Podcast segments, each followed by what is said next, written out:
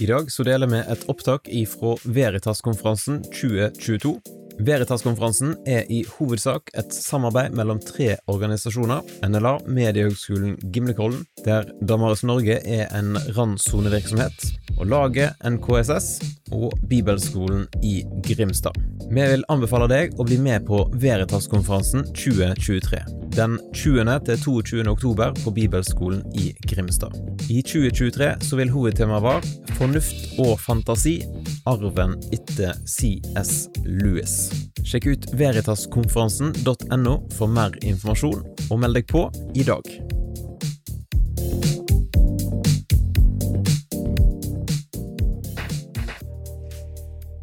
Friends, I'm Natasha Crain, and I am excited to be sharing with you this second session for the conference. Now, if you missed the first one, I want you to know it's okay. I, I would love for you to go back and see that session because I think it's a really important topic in terms of framing overall how we can kind of have a strategy for the discipleship of our kids today. So, I really do encourage you to go back and listen to that session. But if you haven't heard it, I want you to know that you don't have to have heard that one in order to understand what we're going to be talking about in the second one, where we go through what kids will hear about Christianity. So, what we're going to be doing in this session is actually digging into some apologetics content where we're going to be talking about the four big challenges posed by a secular culture. So, I'm going to introduce you to those challenges, not that you've not heard them before, but I'm going to give you what those four challenges are, and then I'm going to walk you through how to talk about them with your kids. And to be sure, there are many, many other challenges that are out there. This is what my books for parents are all about is introducing you to all of those. If you did hear the first session, you heard me talk about that mountain of challenges that is out there. And so that's really what my books are designed to do is to help you understand that mountain.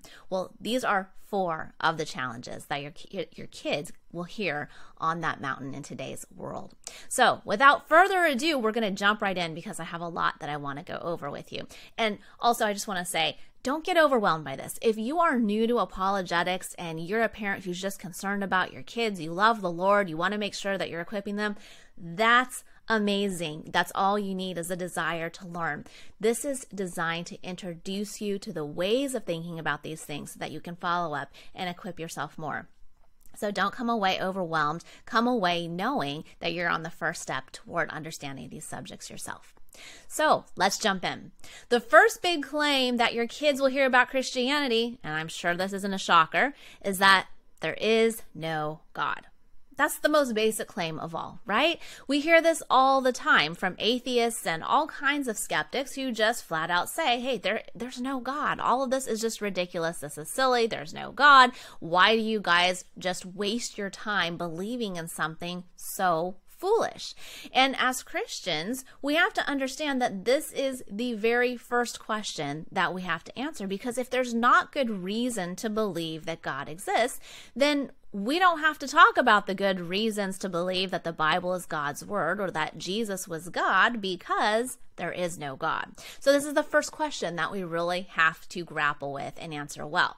Unfortunately, and I mentioned this a little bit in my first session, it is often a question that is answered poorly by Christians because sometimes we just revert to saying, well, I just kind of know he's there or I feel he's there or I I've heard this one a lot that I feel him during worship or that I see him in my children and in my spouse. And while all of those responses might be how we feel, they're not necessarily the best way to equip our kids today. So that's what we're going to talk about because we want to understand how the world is forming their claims, how the world is saying that there is no God, so that we can match the way we talk about this answer to what our kids need. Again, with respect to that mountain we talked about in that first session, we want to make sure we're training our kids accordingly to the challenge that they'll actually encounter. So that's what I want to help you do in this session as we talk about this claim of there is no God. To get us thinking about this, here's a quote. It's from Richard Dawkins. We talked about him a little bit before also. He is a famous evolutionary biologist, also a very famous atheist because he's very hostile to people of faith. And this is a well known quote of his. He says, Faith is the great cop out the great excuse to evade the need to think and evaluate evidence. Faith is belief in spite of, even perhaps because of, the lack of evidence. Now, notice there's a key word in there that we hear a couple of times, and this is what our conversation now is going to hinge on. It's that word evidence. So, when atheists say, hey, there is no God, what they're specifically saying is that there is no evidence for God's existence. In other words, it's just a blind leap in the dark. Hey, you guys who believe in God, you're just closing your eyes and you're just making this wild guess that God exists. And you're willing to do that. And so that's really crazy. And you're actually believing in spite of evidence to the contrary. So note that all of this turns on this concept of evidence specifically. So, we want to be able to formulate our answers and how we equip our kids in terms of that evidence word as well. And we should note that that's not, just in case anyone's wondering, that's not to say that we're always just going to let atheists, for example, or other skeptics dictate the way that we talk about things. The Bible absolutely talks about the fact that we need to have good reason for what we believe. And that faith is trust in what we have good reason to believe is true. Unfortunately, a lot of times Christians actually misunderstand this. And that's one of the problems today is that atheists have been so loud with proclaiming that faith is all about this blind leap in the dark that Christians have taken it on themselves and said, well, I don't care. They go to this defensive posture and say, I don't care. I still have faith and I don't need any reason to believe. I don't need any evidence. We don't need to do that. The Bible says that we should be able to give reason for the hope that is within us and to do so with gentleness and respect. That's 1 Peter 3:15. So we should be able to give evidence. This is not a case of you know, I just kind of have faith that there's a unicorn outside my window right now, and I just believe no matter what. No, it's not like that at all. Christians believe that there is evidence for God's existence, and we believe because of it. See, there's a huge difference there. We're not saying, hey, we know there's no evidence for God's existence, but we believe anyway. We're just that courageous with our blind faith. That's not what we're saying. We're saying, no, no, no, we disagree with you, atheists, about the about about the amount of evidence there is. That there actually is evidence for God's existence, and we believe because of it. Huge difference. And let me give you an example of how Christians often do get this wrong and to our detriment in terms of the definition of faith. A few years back, I was at this dinner party, and my kids were just starting a new Christian school. It was their first year going into school. I don't know what the equivalent would be in Norway, but it's called kindergarten here. And so they're about five, six years old at the time. And so parents were getting together to kind of meet each other for the first time. It was, uh, like I said, this dinner party. And I was sitting next to this mom and we were just having a conversation about faith and why we were sending our kids to a Christian school and that kind of thing. And she said, Yeah, you know, I just want her to be with other Christians. And sometimes she does ask questions, though, about her faith. Like, for example, she said one time, How do I know that God exists? And I said, Oh, well, that's a really good question that she asked. And this mom said to me, Yeah, you know, I told her it's just like Santa Claus. Some people believe and some don't. I it, I was really um, I'm rarely speechless, but I was pretty speechless at that moment because this is the absolute worst analogy that we could possibly give our kids because it assumes that the evidence for Santa and the evidence for God are on the same foot.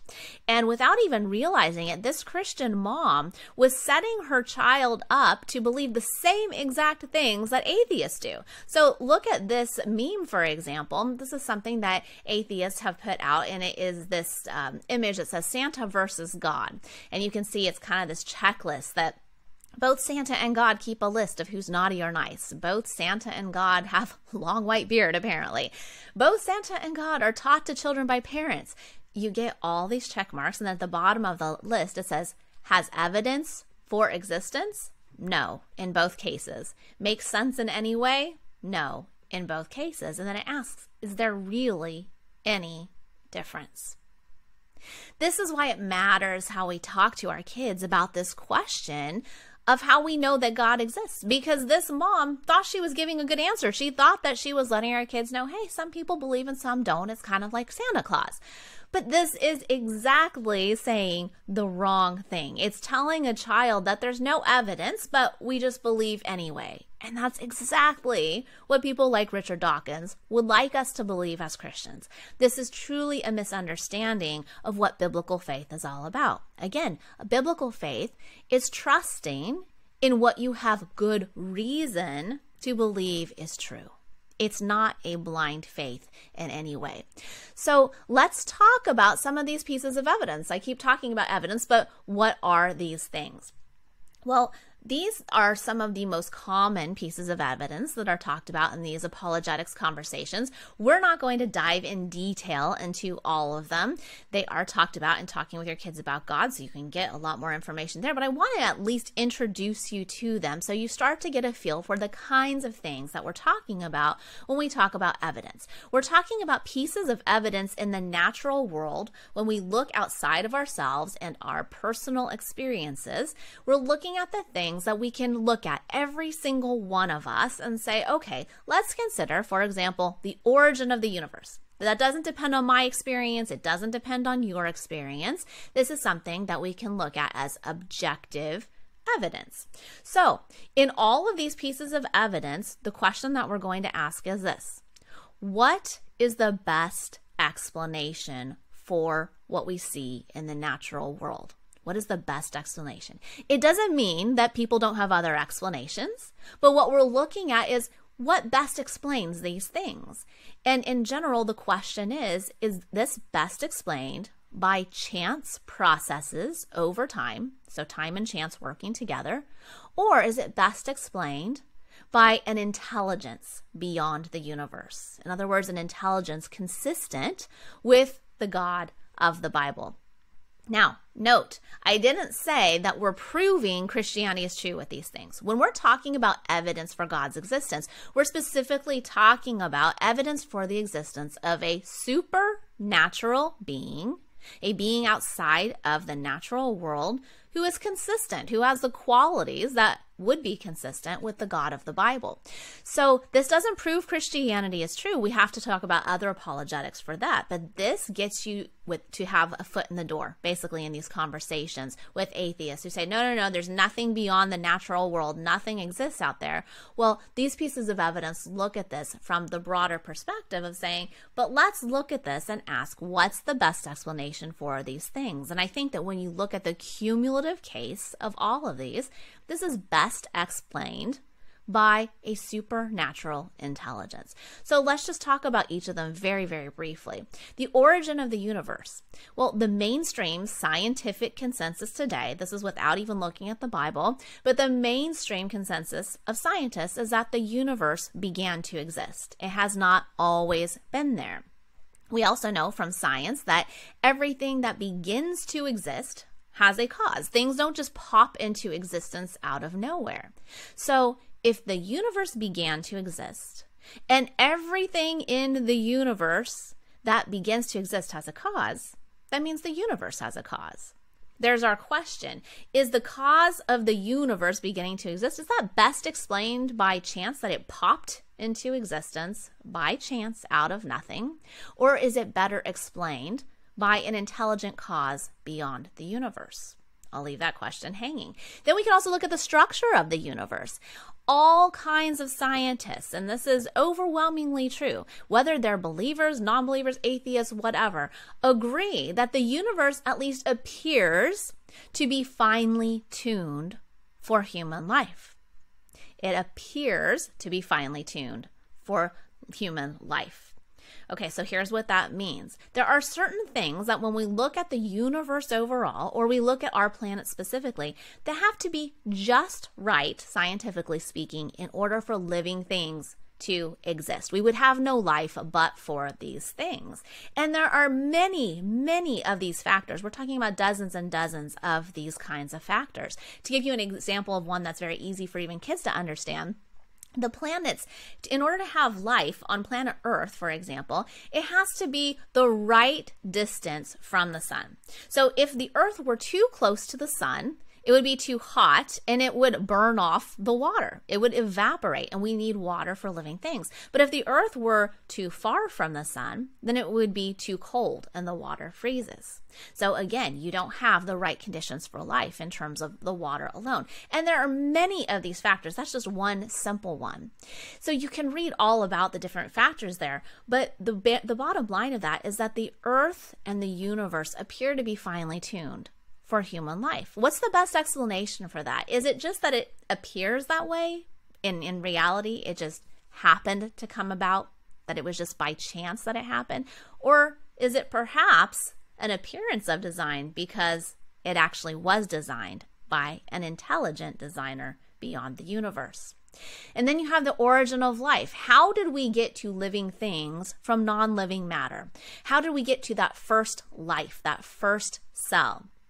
Well, scientists don't know. They don't have an explanation yet. They have all kinds of different theories about it. But once again, we can ask the question what's the best explanation for a living cell to come from non living matter? Is it an intelligence beyond, or is it simply time and chance? And then we can look at the structure of life itself. When we look at the DNA in our bodies, it's basically this incredibly complex and specific code for human life. And all known codes in this world have an intelligent cause. There are no codes that we know of that just arose by chance. So when we look at DNA, our blueprint for life, we look at how specific and we look at how complex it is. Is the best explanation for that that it just came about by time and chance? Or is a better explanation that it's actually the product of an intelligent designer? And finally, we can look at our innate moral knowledge. If we look around at the world, people overwhelmingly acknowledge that some things are objectively right or wrong, regardless of your opinion. So, for example, you can ask all kinds of people if they think it's wrong to torture someone or if it's right to torture someone for fun. And when you do that, you will find that everyone says, Of course it's wrong. But if there's no higher than human moral authority, there's no moral lawgiver to say, hey, this is right or wrong, then torture and torturing someone for fun cannot actually be objectively morally wrong. It could only be a matter of opinion. So, what best explains the appearance of this objective moral law that we have this intuitive sense that some things are truly right or wrong, regardless of personal opinion? Is it just chance because we're fooling ourselves due to our evolutionary processes over time? Or is it possibly because there's a moral law giver? Now, any one of these pieces of evidence might not seem so compelling to a given person. But when you add them all up and you look at all of these pieces of evidence in the universe, in this natural world, the cumulative case is extremely strong that all of these things point to the existence of an intelligence beyond the natural world. So that's the kind of cumulative case that we want to help our kids understand. Now, some of you, if you're new to apologetics, you're thinking, Whew, that's a lot of stuff. I don't know how I could possibly explain this to my kids. And I totally understand that because when you're new to this stuff, it just does sound very complicated. But when you learn a bit more about it, you'll see that it's actually not so hard to explain. And I want to give you one example from the very first chapter of my book, Talking with Your Kids About God, to show you how this can apply for kids. So one day I was out in my backyard uh, because I heard my kids, they were there was some kind of excitement that was going on. This was when they were younger. I have 3 kids. And I go outside and they have this ball that they found in the backyard and it wasn't ours but it was a Spider-Man ball like this, this rubber bouncy thing. And they're holding it and they were like, Mommy, Mommy, look what we found outside. We found this ball in our backyard. This is so exciting. Now we get to play with it.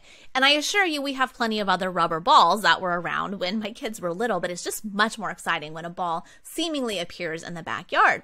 And I said, Oh, come on. You know that that belongs to our neighbor. You know, you know that that's Mason's across the way. You have to just send it back over, throw it back over the wall. And my daughter looks at me and kind of crosses her arms and says, Mom, you don't know for sure that it's his. It's in our yard and we can keep it now. Now, of course, I didn't appreciate the attitude. However, I used this as a teachable moment. And by the way, if you heard my first session where I was talking about using moments and creating moments, this is a good example of using a moment that comes up naturally to teach your kids a lesson. So I pounced on the moment and I said this Ah, you're right. I don't know for absolute sure that this ball came from our neighbor. So let's talk about the possible explanations. Where did it come from? And of course, I didn't have a handy PowerPoint slide at the time, but I do for you guys. But I gave them these explanations. I said, well, first of all, we do have our neighbor who regularly plays in the backyard. We know he loves Spider Man. He has lost balls like this in our yard before, and so it seems pretty reasonable that maybe this belongs to him. But there are other explanations. For example, we do have another neighbor, and they had kids that were visiting this weekend, so maybe they happened to be playing with a ball and lost it also. Or maybe the wind just blew this ball in somehow. Maybe an airplane dropped it in our backyard, or maybe there was a little alien, a little green alien guy who came into our backyard and dropped this ball there. And they're looking at me very frustrated at this point. And I just said, you know, there are a lot of possible explanations for all kinds of things in the world. We can come up with possible explanations all day long for anything. But that's never the question. The question is never how many explanations can we come up with. The question is what is the best explanation given the evidence for a given problem or issue at hand. I said, given all the evidence, we can be really confident that this belongs to our neighbor. Go ahead, throw it over the fence. You have plenty of other bouncy balls to play with. So, of course, my kids weren't all that happy with me, but then I later tied this to this question of God's existence. And I said all kinds of people will come up with all kinds of explanations for things. But when we look at the evidence in the natural world for God's existence, what we can see is that it very powerfully points to a supernatural being consistent with the God of the Bible. So, with that in mind, there's so much more that we could say on this subject. And I do take more time on this particular question than the other ones that we'll go through because I think it's so important as a foundation. And I see so many Christians getting this one wrong in particular that I just want to take that time to lay that foundation. But what can you do? What does this mean for you as a parent? Well, make sure your kids know there is evidence for God's existence. Don't be like the mom who said at that party, well, it's just like Santa Claus. Some people believe and some don't. We are not called to have a blind faith. We are called to understand that there is good reason to believe that God exists and that Christianity is true, and that when we place our trust in the Lord, that is a trust on a firm foundation. And it starts with understanding that God exists. That's the very first piece. But number two is to teach them what that evidence is. It's not enough to say, hey, you know, there is evidence for God's existence, I think, kind of, sort of. I've heard of it. I went to an apologetics conference and heard it once. We actually have to teach our kids what that is so that they understand the kinds of things that we are talking about here.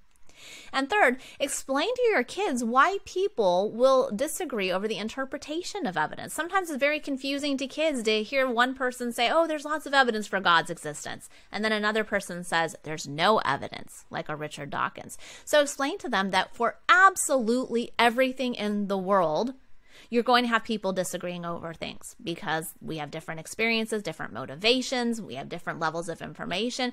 This is true with anything. This isn't just about God's existence. The question is not how many interpretations we can come up with, it's what is the best one given the evidence. So that brings us to the second claim, and here's what this one is all religions are basically the same. So for many people, they're not necessarily saying, oh, God doesn't exist, but they are saying, yeah, I think that there's something out there, and all religions are basically the same. They're all kind of grasping at the same overarching truth. Here's the good news about this one, and I did talk about this a bit in the first session. So if you were there for that, then you're going to get a refresher course on what I said there, but we'll go a little bit deeper here. It, there are three possibilities once you've established that there's good reason to believe that God exists. Number one it's possible that this God exists, but he hasn't revealed himself in any way. So God is out there, but no religions are true, basically because he's never chosen to reveal himself. The second possibility is that God exists and multiple religions are equally true. So that's the claim that we're talking about now for people who say, oh, yeah, they're basically all true. Doesn't matter what you believe, they're all pointing to the same truth. That's number two. Number three is that God exists and there's only one religion that is a true revelation of God. So, hypothetically, these are the three different things that could be true. Right now, I want to just show you why the second one, even though hypothetically that's a possibility, it logically can't be true. And this is what we want our kids to understand. We want them to understand that all religions cannot be equally true, despite the claims of many. So, just a couple of examples of how you see this. This is a quote that I pulled off social media one day, a Gandhi quote. Says, The essence of all religions is one, only their approaches are different. So it's this idea that it doesn't really matter. They're all basically the same. Maybe they're grasping at things a little differently, but they're all basically, in essence, the same. Here's another one that I saw on social media, and I know that the print on this poster is too small to really read, but let me just read you what this woman said on Pinterest. She said, The golden rule in the major world religions. That's what this poster is. It's showing how the golden rule kind of traces its way through every single world religion. And she comments, just one example of the similarities. And yet somehow people think their religion is the only one that can be right. In other words, if we see these moral commonalities between religions, then somehow they're all basically the same. That's the claim that we're talking about. Well, here's the thing religious truth claims are logically incompatible. Now, we just saw that there are some moral commonalities between religions. There's no question about that. In multiple religions, it is wrong to murder someone. But just because you see these commonalities doesn't mean that all religions are equally true or basically the same. And all you have to do is really look at the claims about reality that each one offers, and you'll see that they are vastly different. So, for example, easy to see, in Judaism, Jesus was not the Messiah. In Christianity, Jesus was the Messiah. These two things cannot be true at the same time. They are logically contradictory claims about the nature of reality. We can't look at that and say these are basically the same. We can't say they're equally true. They contradict. It doesn't work. Another easy example in Islam, Muhammad was the greatest prophet. In Christianity, Muhammad wasn't a prophet at all. Those two things are not basically true. We're not talking about small things here either. Notice that we're not talking about, oh, well, we pretty much all believe the same thing about reality, but you want a church that has a pointed steeple, and I want a church that has a rounded steeple. We're not talking about little trivial things. We are talking about the most fundamental claims of these religions. Similarly, in Hinduism, we experience a cycle of rebirths called reincarnation, but in Christianity, we have just one life and then we will be judged. These things can't be true at the same time. So religions make claims that are logically contradictory. They quite simply cannot possibly be true in the same sense. So, if we look at these three possibilities again, what does that tell us? It tells us that that second one actually isn't a possibility. That leaves us with two possibilities that God may exist and hasn't revealed himself, or that God exists and only one religion is true. And of course, we want to be able to show that it's Christianity with a next step. But what we can't say is that all religions are basically the same. It just knocks that one out. And it seems really obvious when you present it this way, I think, and most people go, okay, that makes sense. But unfortunately, a lot of people today just aren't thinking through the implications of what they're saying and what they're believing. So we have to establish answers to these questions with our kids so there's no confusion.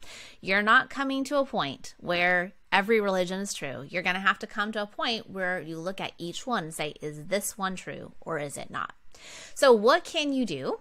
Number one, Discuss the actual claims of major world religions with your kids. Actually show them, okay, well, what do Muslims believe? How does that compare to what Christians believe? What do Mormons believe? How does that compare to what Christians believe? What do uh, Hindus believe? And how does that compare? When you actually look at the claims of major world religions, you can easily, readily see that these are not basically the same. And notice that this isn't even getting to, well, which one is true. We're just setting up the logical point that they can't all be true.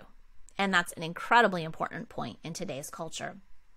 Number two, make sure you're teaching the critical thinking skills needed to evaluate these different religions. And I mentioned this also in the last talk, but I have a podcast called the Natasha Crain Podcast, and I talk a ton about critical thinking skills and how to think better about the things that we see around us. And I give lots of examples of that. And in particular, in the second episode, literally number two in the entire podcast, I talk about how to teach your kids about different worldviews. So I encourage you to take a look at that if that's something that you're interested in. That brings us to our third big claim that miracles can't happen. There is so much skepticism today around miracles specifically that it's just crazy if you think that miracles can happen. There are tons of miracle stories in the Bible, and therefore it's just a big fairy tale that it just reads like one crazy thing after another. How can you Christians believe all this stuff? And keep in mind, Christianity is centered on a miracle. What miracle is that? The resurrection. The central focus of Christianity is that Jesus was raised from the dead. And because he was raised from the dead, then that validates his claims to being God himself. We can be confident in putting our faith in him. We can trust in him as our Savior. All this comes down to the resurrection. As Paul says in 1 Corinthians 15 14, if Christ has not been raised, your faith is in vain. Okay, that's the truth test for Christianity. It all comes down to that. And what is that? That is a miracle claim. So it's a really big deal if culture is saying, oh, miracles, they, they can't happen. That's impossible. That's ridiculous. That's silly. Because Christianity and the truth of Christianity hinges on a miraculous event that took place in history. So we really have to understand how to explain miracles to our kids. So let's jump into a couple of examples just to show you the kinds of things that people say. So here's a meme that I saw online one day, and it has this this uh, god-like figure, or it's supposed to be God. It says, "I have performed many awe-inspiring miracles. Coincidentally, I got tired of doing them after Satan invented video cameras." In other words, hey Christians, it's really convenient that you're going to trust in this ancient book that claims miracles happened, but if they claimed that those happened today, we have video cameras and we would know that these things didn't actually happen. So that kind of invalidates the whole miracle idea in the skeptic's mind. Or how about this one? This guy is laughing hysterically, and it says Old Testament, Genesis 6 through 9. A 600 year old man builds a wooden boat that housed millions of animals.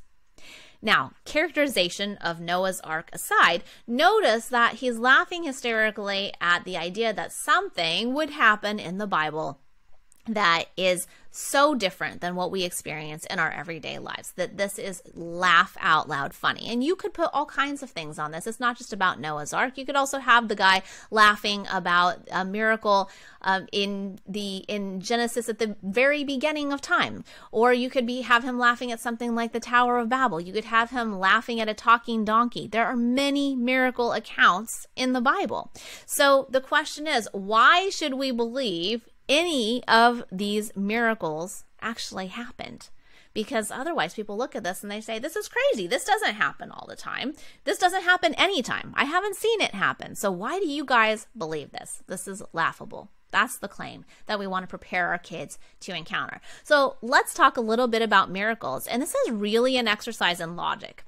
And so much of this is when we start to get into apologetics, when we understand the way that the world argues, we can start to better look at just the logic behind the claims. And so that's what I want to do here. The first thing that we need is to establish a definition.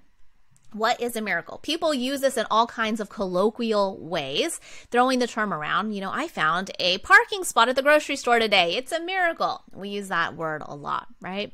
But here's a definition of what we're talking about when it comes to these kinds of claims. A miracle is an extraordinary event with a supernatural cause. Okay, Let's break that down a little bit. An extraordinary event. In other words, this isn't something that happens every day. If it's an everyday event, it's very ordinary. By definition, a miracle is something that is out of the ordinary, it's extraordinary. So it's an extraordinary event, something highly, highly unusual with a supernatural cause. In other words, it has a cause from outside of the natural world. So, with this definition in mind, let's think a little bit about that. What this presupposes is that if a miracle happens, there's a supernatural world and a natural world. Now, I am no graphic designer, I am no artist whatsoever. So these are going to be very simple illustrations to show you what this is. But all we're saying with a miracle is that if we have supernatural world and we have a natural world, the claim of a miracle is that the someone in the supernatural world has caused an extraordinary event to happen in the natural world. That's what that would look like graphically, uh, as demonstrated by someone with absolutely no graphic design skill. So that's what that looks like. Now, let's take that away and let's say that nothing exists outside of the natural world. There is no supernatural. Let's say that Richard Dawkins and other atheists, they're all right. There's nothing that's out there. Well, let me ask you this Is a miracle possible? No, absolutely not. Because by definition, miracles are extraordinary events with a supernatural cause. If nothing exists outside of nature, then there's nothing to cause that event. So, if God does not exist, miracles are not possible. We can agree with atheists on this. We can absolutely agree. And this is important to understand. Always look for some point of agreement and identify, logically speaking, where we differ. So in this case, we can say, hey, I agree with you, Mr. Atheist, that if God doesn't exist as you presuppose, then that means miracles are not possible. I'll give you that. But of course, we're going to say then that where we disagree is that we believe that the evidence points to God's existence, using what we talked about earlier. And if God exists, miracles are possible by definition. So we go from miracles are not possible if God doesn't exist to if God exists, miracles are possible. Someone exists out there who can choose to intervene in the natural world. That means that miracles are possible. And notice that we haven't even made a claim at this point about whether a miracle has taken place. We're not saying the resurrection happened. We're not saying that a donkey has spoken. We're not saying anything about a specific miracle that has taken place. All we're saying is we're identifying the conditions that make it possible for miracles to take place. Possible. So, where does that leave us? These two statements, and I want you to remember these because this is the basic logic of all of it. I taught my kids this when they were five or six years old. Even young kids can understand this. If God exists, then miracles are possible. He can choose to do what he wants. If God doesn't exist, miracles are not possible. We're not even making a claim about whether God exists. We're just saying here are the criteria, logically speaking, for miracles to happen. Now, we don't want to leave it there, of course because, as I mentioned earlier, we want to be able to show that a miracle has actually happened. The miracle of the resurrection, especially, is the key miracle event for us as Christians. Just as I said earlier, if Christ has not been raised, then our preaching is in vain and your faith is in vain. That's what the Apostle Paul said in 1 Corinthians 15 14. So we want to establish miracles are possible, but of course, we want to be able to go the next step of teaching kids what evidence there is for the resurrection specifically having happened. And actually, I walk through that evidence in my book, Talking with Your Kids About Jesus. So that is a resource that you can go to for that in particular. What can you do on this one? Well, number one, simplify the logic for your kids. A lot of times when people talk about the subject of miracles, they kind of get off course because they talk about, you know, skeptics will say, well, I've never experienced a miracle. Or someone will say, well, I have experienced a miracle. This is not a competition of people who have or have not experienced modern day miracles. At the end of the day, Christianity is true or false depending on the resurrection alone. That's it. It doesn't matter if you've seen a miracle or if you haven't. It's not about that. Nothing in the Bible says you'll know that Christianity is true if you personally experience a miracle. It doesn't happen. So set aside these questions of modern day miracles and keep it very specific. Simplify the logic. If God exists, miracles are possible. And if God does not exist, miracles are not possible. And of course, be prepared to show why there's good reason to believe God exists using the pieces of evidence that we talked about already today. Distinguish that the resurrection is the miracle question so kids don't get misled into thinking, well, I've never seen anything miraculous. That's irrelevant. That has nothing to do with the truth of Christianity. The truth of Christianity rests on whether or not the resurrection itself happened. And then, of course, we want to teach the evidence that God exists because that's what makes the miracles possible, and the historical evidence for the resurrection to show that a miracle has actually happened. All right, that brings us to our last claim, and that is the Bible is unreliable. And I am using the nicest possible language here because usually when people talk about the Bible being unreliable, they're quite rude about it. And they have a lot of other types of words to say about it being archaic and dumb and silly and outlandish and unreliable, all of these things and much worse. So, this is a huge subject. We cannot get into any kind of depth on this, but I do want to give you a framework for thinking about it.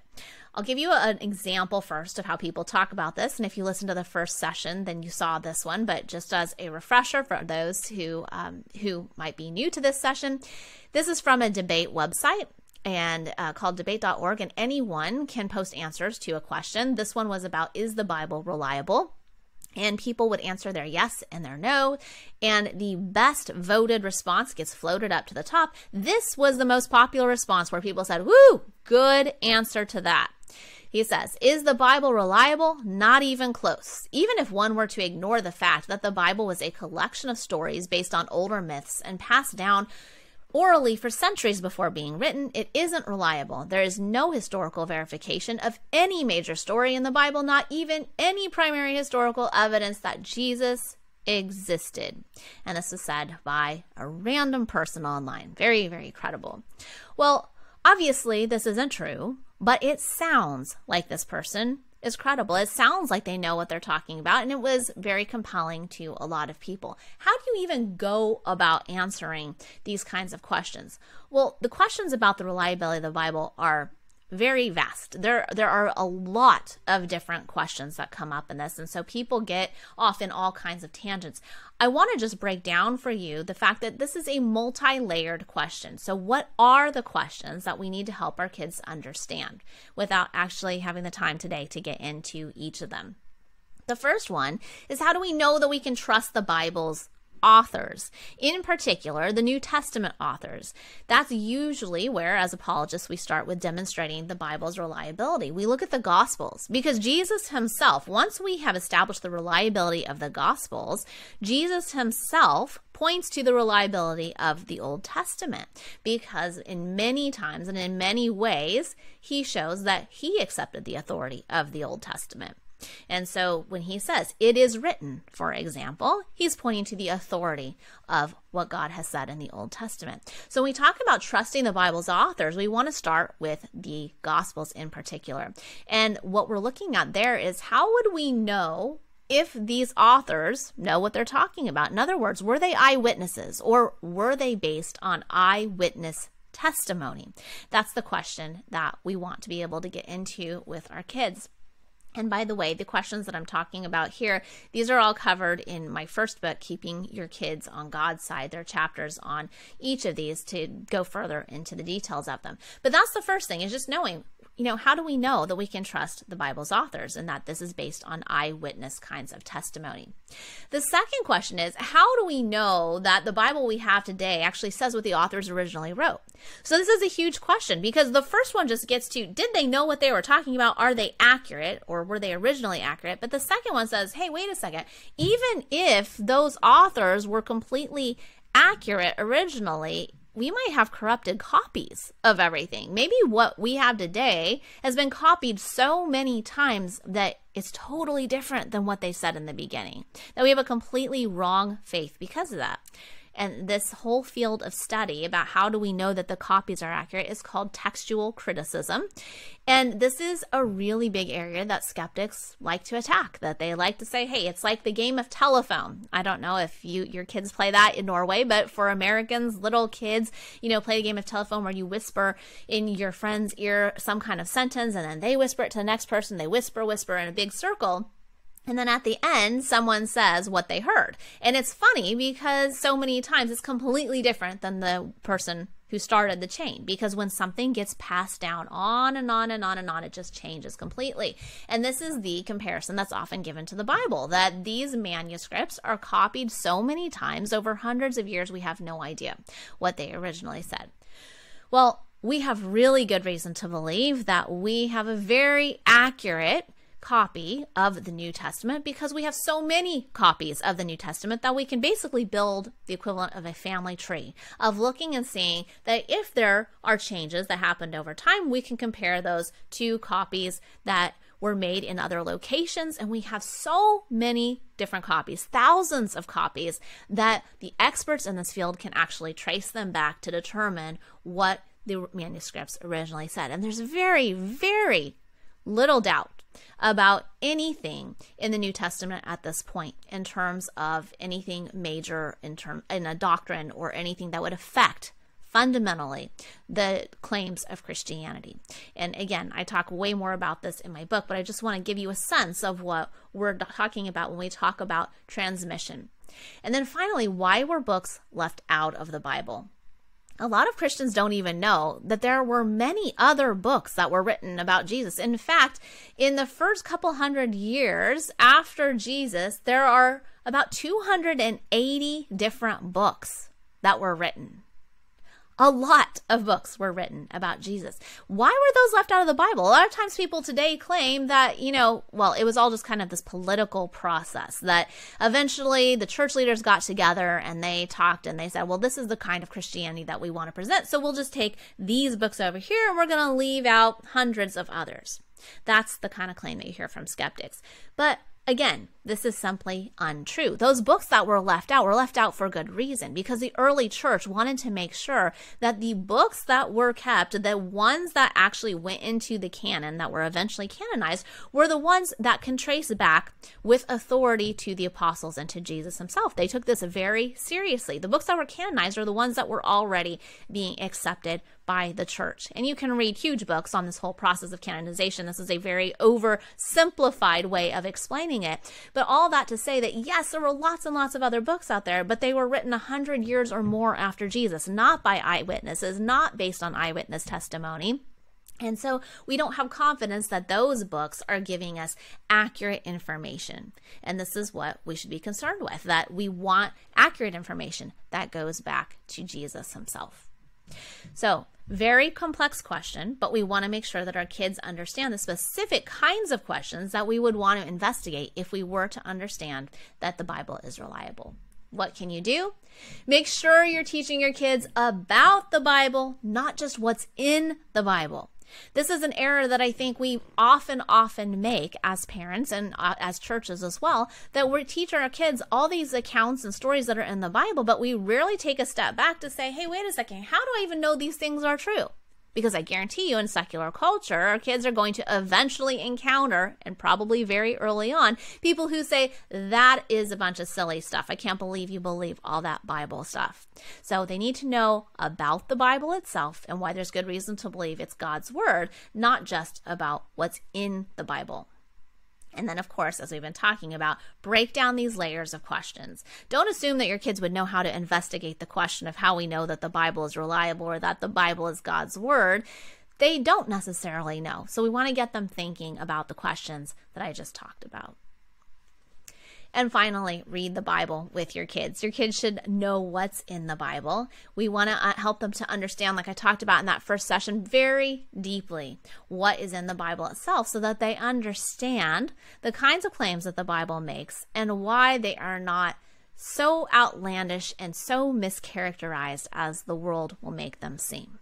Well, that is all for this presentation. I know I threw a lot at you. Again, please don't be overwhelmed by all of this. This is an introduction. It's an introduction to the way that we can think and the way that we can expose our kids to these challenges and help them understand how to respond when the world is coming at them and saying, hey, all this Christianity stuff, this doesn't make sense. There's no need for it. This is silly. This is ridiculous. When they try to shame our kids, we want them to be equipped with solid answers.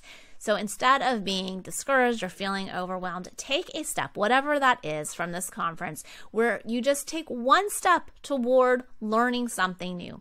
Get one book or listen to one podcast episode, read one article, and share it with your kids and start to help them get equipped. It's of eternal importance. There's no greater calling for us as parents than to raise kids who know and love the Lord. Thank you so much for spending the time to listen to this talk and perhaps the other one as well. It's been really a joy sharing with you and, and truly an honor. And I look forward to hearing from some of you. If you want to reach out, you can find me at natashacrain.com and I have a contact page there. I'd love to hear from any of you. Thank you guys so much for your time.